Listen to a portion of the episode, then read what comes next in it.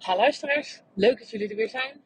Ik ben er ook weer en vandaag met een uh, podcast, ik denk een korte, uh, over uh, een oordeel voelen en wat je daarmee doet.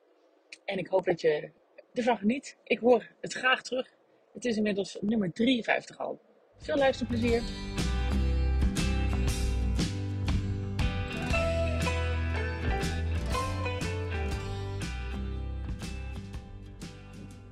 Ha, lieve mensen, leuk dat je er weer bent. Vandaag gaat de podcast over het vraagstuk: als je van binnen een oordeel voelt of een veroordeling voelt, probeer je dan aan te wennen om gelijk te switchen naar wat is de vraag die ik hierover kan stellen aan de ander. En dat klinkt simpel, maar dat is het denk ik niet. En het gaat wel heel veel opleveren. Ik zal er even iets meer over vertellen. Um,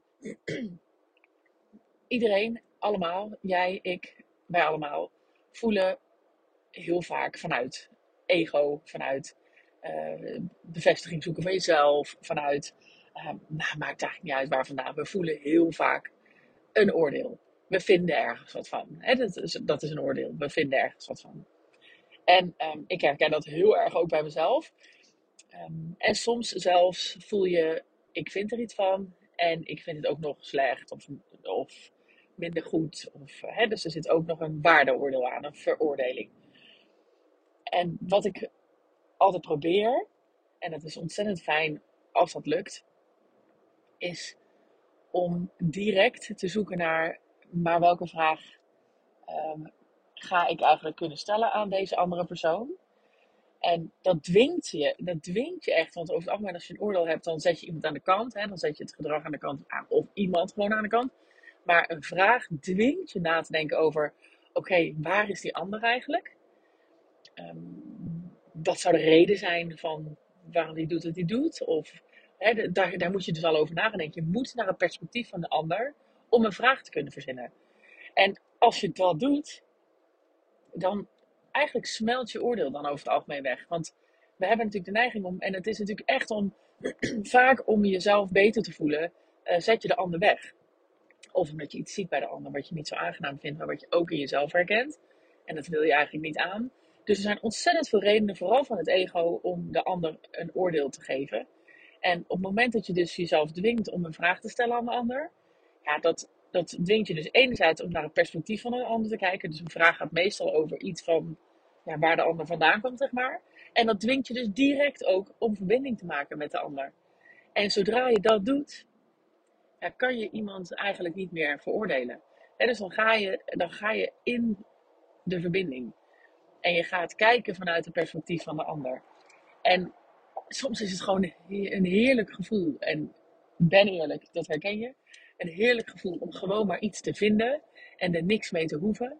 Maar het is zo onaangenaam en het is zo'n ja, onaangename energie eigenlijk die je dan bijdraagt of die je de ander toestuurt, zullen we zeggen. En vooral ook waar je zelf dus in zit de hele dag. Dat het gewoon heerlijk is om jezelf aan te wennen. Om te denken, oeh, ik voel een oordeel. Ik vind er echt wat van. En dan te bedenken, oké, wat zou mijn vraag zijn aan de ander? En plop, weg is het oordeel. En het lijkt me ontzettend leuk als je daar eens mee gaat oefenen. Ik ga het ook weer doen, opnieuw. Um, ik ga er opnieuw weer bewust van zijn om dat uh, op te merken bij mezelf, het oordeel, en er een vraag over te stellen. En ik hoor het super graag terug wat dat, wat dat bij jou doet. En of het inderdaad ook hetzelfde effect heeft als het bij mij, bij mij heeft. En ik ga er dus ook niet langer over lullen. Want dit is gewoon uh, volgens mij wat echt de wereld mooier maakt als we dit gaan oefenen. Dus wie weet, naar aanleiding van vragen die ik erover krijg, of opmerkingen, of terugkoppeling van: oh, bij mij werkt het zo, of bij mij werkt het zo. Dat ik er nog een keer een podcast over opnemen zou kunnen. Maar voor nu is dit gewoon genoeg. Dus voel je een oordeel of een veroordeling. Dus vind jij er wat van? Van een ander? Stel dan een vraag.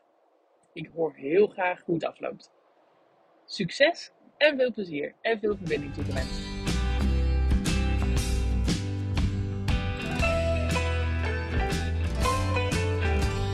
Lieve mensen, dat was hem weer. Ik hoop dat je hebt genoten van deze podcast. En op naar de volgende uiteraard. Het zou mij ontzettend helpen als je de podcast zou willen delen op social media. Zoek me op op Instagram en Facebook onder Juke Stellinga. Tot de volgende keer.